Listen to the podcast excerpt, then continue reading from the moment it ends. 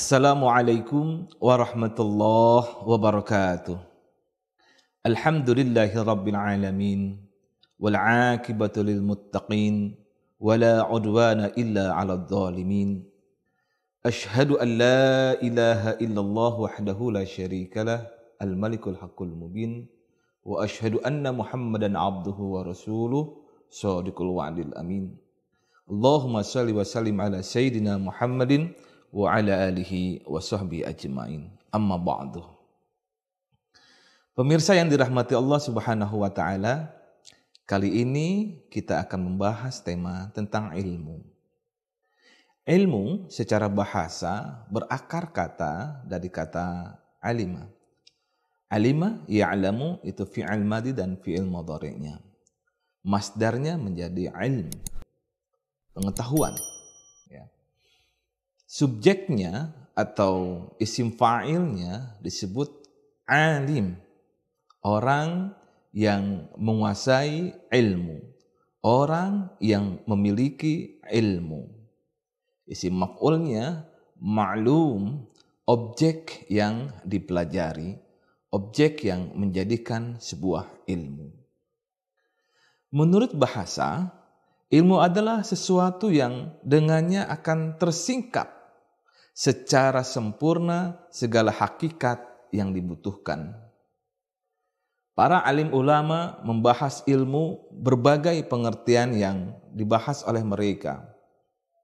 Menurut alim ulama, seperti yang dijelaskan oleh Imam Ar-Raghib Al-Asfahani dalam kitab Al-Mufradat fil Gharibil Quran, bahwa ilmu itu adalah sesuatu yang mengandung, uh, mengetahui sesuatu dengan hakikatnya. Beliau membagi dua tentang ilmu, yakni mengetahui inti sesuatu itu atau menghukumi sesuatu pada sesuatu yang ada atau menafikan sesuatu yang tidak ada.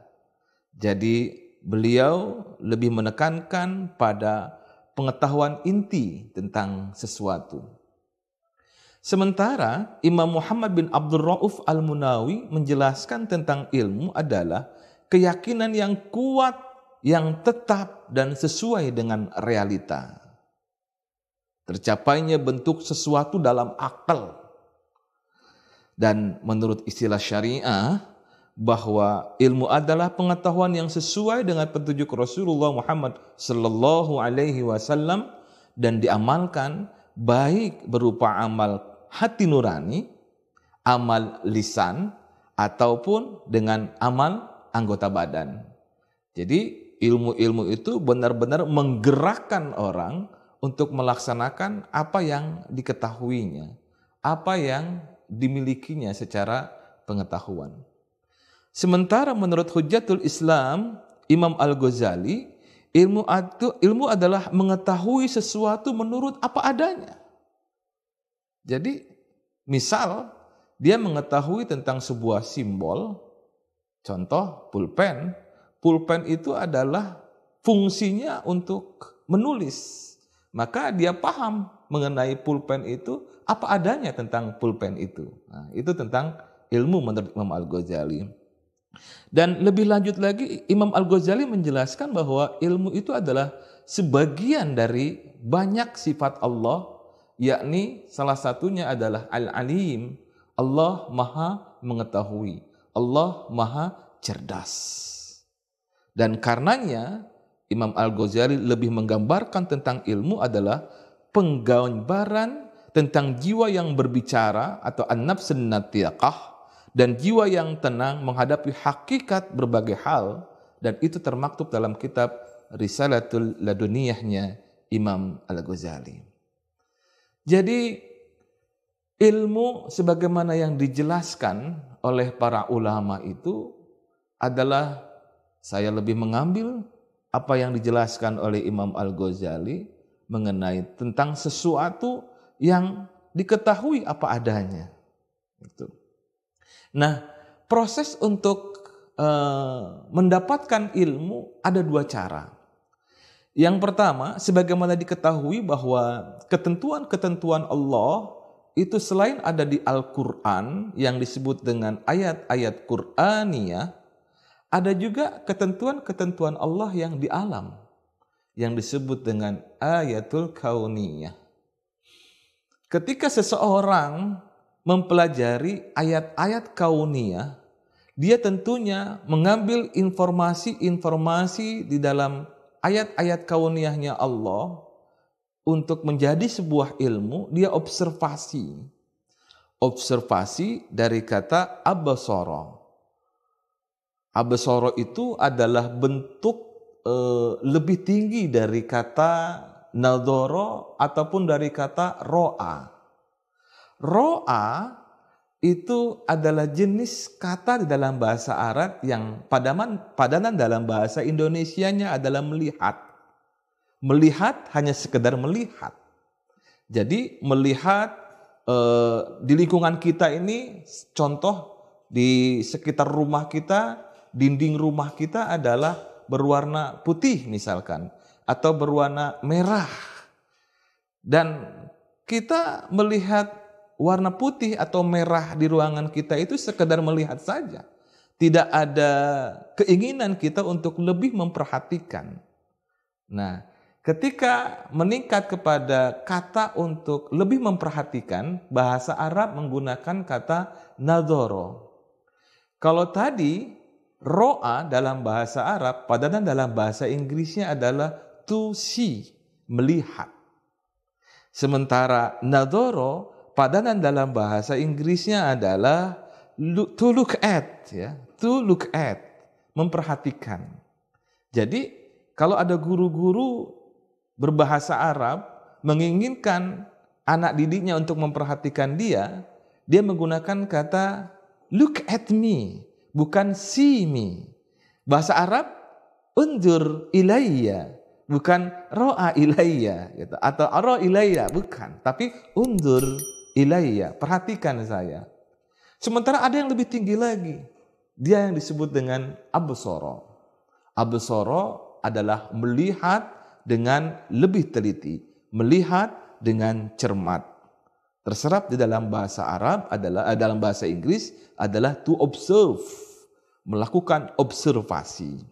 Maka proses mencari ilmu, proses menjadi sebuah ilmu, ayat-ayat kauniyah Allah Subhanahu wa taala itu diobservasi.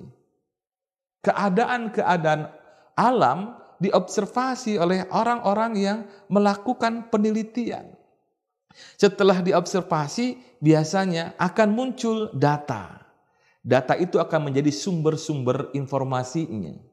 Semua yang ada di alam ini diobservasi oleh mereka, kemudian muncul data. Dan data-data itu kemudian dihipotesa.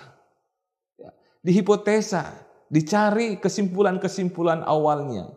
Sehingga kemudian setelah muncul kesimpulan awal, lalu dicarilah bagaimana kesimpulan itu mengerucut dari yang bentuk umum menjadi bentuk khusus disebut dengan deduksi. Dan dari penarikan kesimpulan dari umum ke khusus muncullah yang disebut dengan konklusi. Hasilnya menjadi sebuah ilmu. Dan itu banyak diterapkan oleh peneliti-peneliti di akademi-akademi atau di universitas-universitas. Sebaliknya, ayat-ayat Qur'aniyah yang dari Allah Subhanahu wa taala yang termaktub di dalam Al-Qur'an itu kemudian juga dilakukan observasi dari ayat-ayat yang ada. Lalu dari observasi itu menghasilkan data, dari data itu kemudian menghasilkan hipotesa, dihipotesalah dari hal-hal yang bentuk umum menjadi bentuk khusus, yakni menggunakan eh, metode deduksi, hasilnya menjadi konklusi. Lalu dia menjadi ilmu. Itulah yang menurut Imam Al-Ghazali disebut ilmu husuli. Ilmu yang dilakukan proses pencariannya dengan benar-benar mencari, benar-benar meneliti. Sementara Imam Al-Ghazali pun menjelaskan bahwa ilmu itu adalah ada ilmu yang memang dihadirkan oleh Allah Subhanahu wa taala. Ilmu huduri kita sebut atau ilmu yang dihadirkan oleh Allah Subhanahu wa taala milladunni dari sisi Allah Subhanahu wa taala. Milladunni ilman dari sisi Allah Subhanahu wa taala ilmu itu. Maka ilmu itu tidak dilakukan dengan cara proses mencari sebagaimana yang dilakukan oleh para peneliti sehingga menghasilkan konsep-konsep ilmu tetapi itu ilmu yang dihadirkan oleh Allah Subhanahu wa taala ke dalam diri orang-orang yang memang dipilih oleh Allah Subhanahu wa taala untuk mendapatkan ilmu itu. Jemaah yang pemirsa yang dirahmati Allah Subhanahu wa taala. Ayat-ayat Allah Subhanahu wa taala yang kauniyah maupun yang Qur'aniyah itu akan bisa menjadi ilmu ketika diobservasi oleh para peneliti. Contoh, kita eh, belum tahu sejak eh, pada zaman eh, para tabiin itu bagaimana proses dokter mengetahui bentuk-bentuk janin. Ya. Tetapi kedokteran zaman sekarang sudah paham betul janin umur sekian hari, umur 10 eh, hari, 20 hari, sampai dengan 40 hari dan segala macamnya.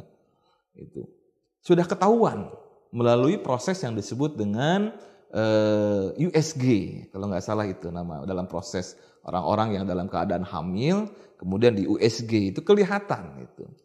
Dan uh, itu dikonfirmasi oleh ayat-ayat uh, Qur'aniyahnya Allah Subhanahu wa taala. Eh, ketika ada ayat mengatakan bahwa Allah Subhanahu wa taala wa idza sawaituhu wa nafakhtuhu fihi min ruhi fa idza sawaituhu wa nafakhtu fihi min ruhi apabila sudah kusempurnakan bentuknya maka aku tiupkan ke dalamnya sebagian dari koleksi ruhku ruh-ruh Allah Subhanahu wa taala yang telah Allah ciptakan di alam dimensi keilahian sana itu ditiupkan ke dalam janin manusia. Janin pada usia berapa? Pada usia berapa? Kalau ulama-ulama kita yang klasik menjelaskan bahwa janin itu ditiupkan pada usia 4 bulan. Tetapi karena ada perkembangan ilmu kedokteran dan dibandingkan dengan hadis Rasulullah Muhammad Wasallam yang menjelaskan tentang proses ditiupkannya ruh, terkonfirmasi bahwa ternyata ruh itu ditiupkan pada saat janin berusia 40 sampai dengan 42 hari. Bukanlah 4 bulan. Nah, nanti untuk pembahasan khusus tentang ini kita bisa ketahui dalam materi yang khusus. Dan ini menjadi konfirmasi, menjadi ilmu. Ya, menjadi ilmu. Itulah itu yang disebut dengan ilmu khudur atau ilmu husuli, ilmu yang dihasilkan. Nah, pemirsa yang dirahmati Allah Subhanahu wa taala, yang penting kepada kita sekarang adalah bagaimana kita menghargai ilmu. Rasulullah Muhammad sallallahu alaihi wasallam menghargai ilmu Luar biasa sekali beliau. Ada sebuah hadis yang ditujukan kepada Ibnu Mas'ud. Ya Ibnu Mas'udin, julusuka sa'atan fi majlisil ilmi la tamassu qalaman wa la taktubu harfan khairul laka min idki alfi raqabah. Wahai Ibnu Mas'ud, julusuka sa'atan. Duduk engkau sesaat saja fi majlisil ilmi di dalam majlis ilmu la tamassu qalaman engkau tak megang kolam wala taktubu harfan engkau tak menulis huruf khairul laka itu lebih bagus bagi engkau min itki alfi raqabah daripada memerdekakan satu orang hamba, seribu hamba sahaya subhanallah satu hamba saya di zaman Rasulullah Muhammad sallallahu alaihi wasallam itu mahal sekali saya rasa cukup dulu mudah-mudahan kita lebih mau menghargai ilmu. Ya.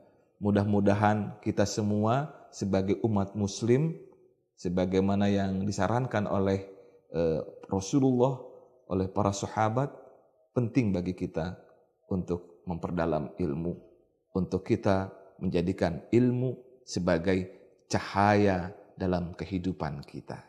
Demikian mudah-mudahan bermanfaat. Assalamualaikum warahmatullahi wabarakatuh.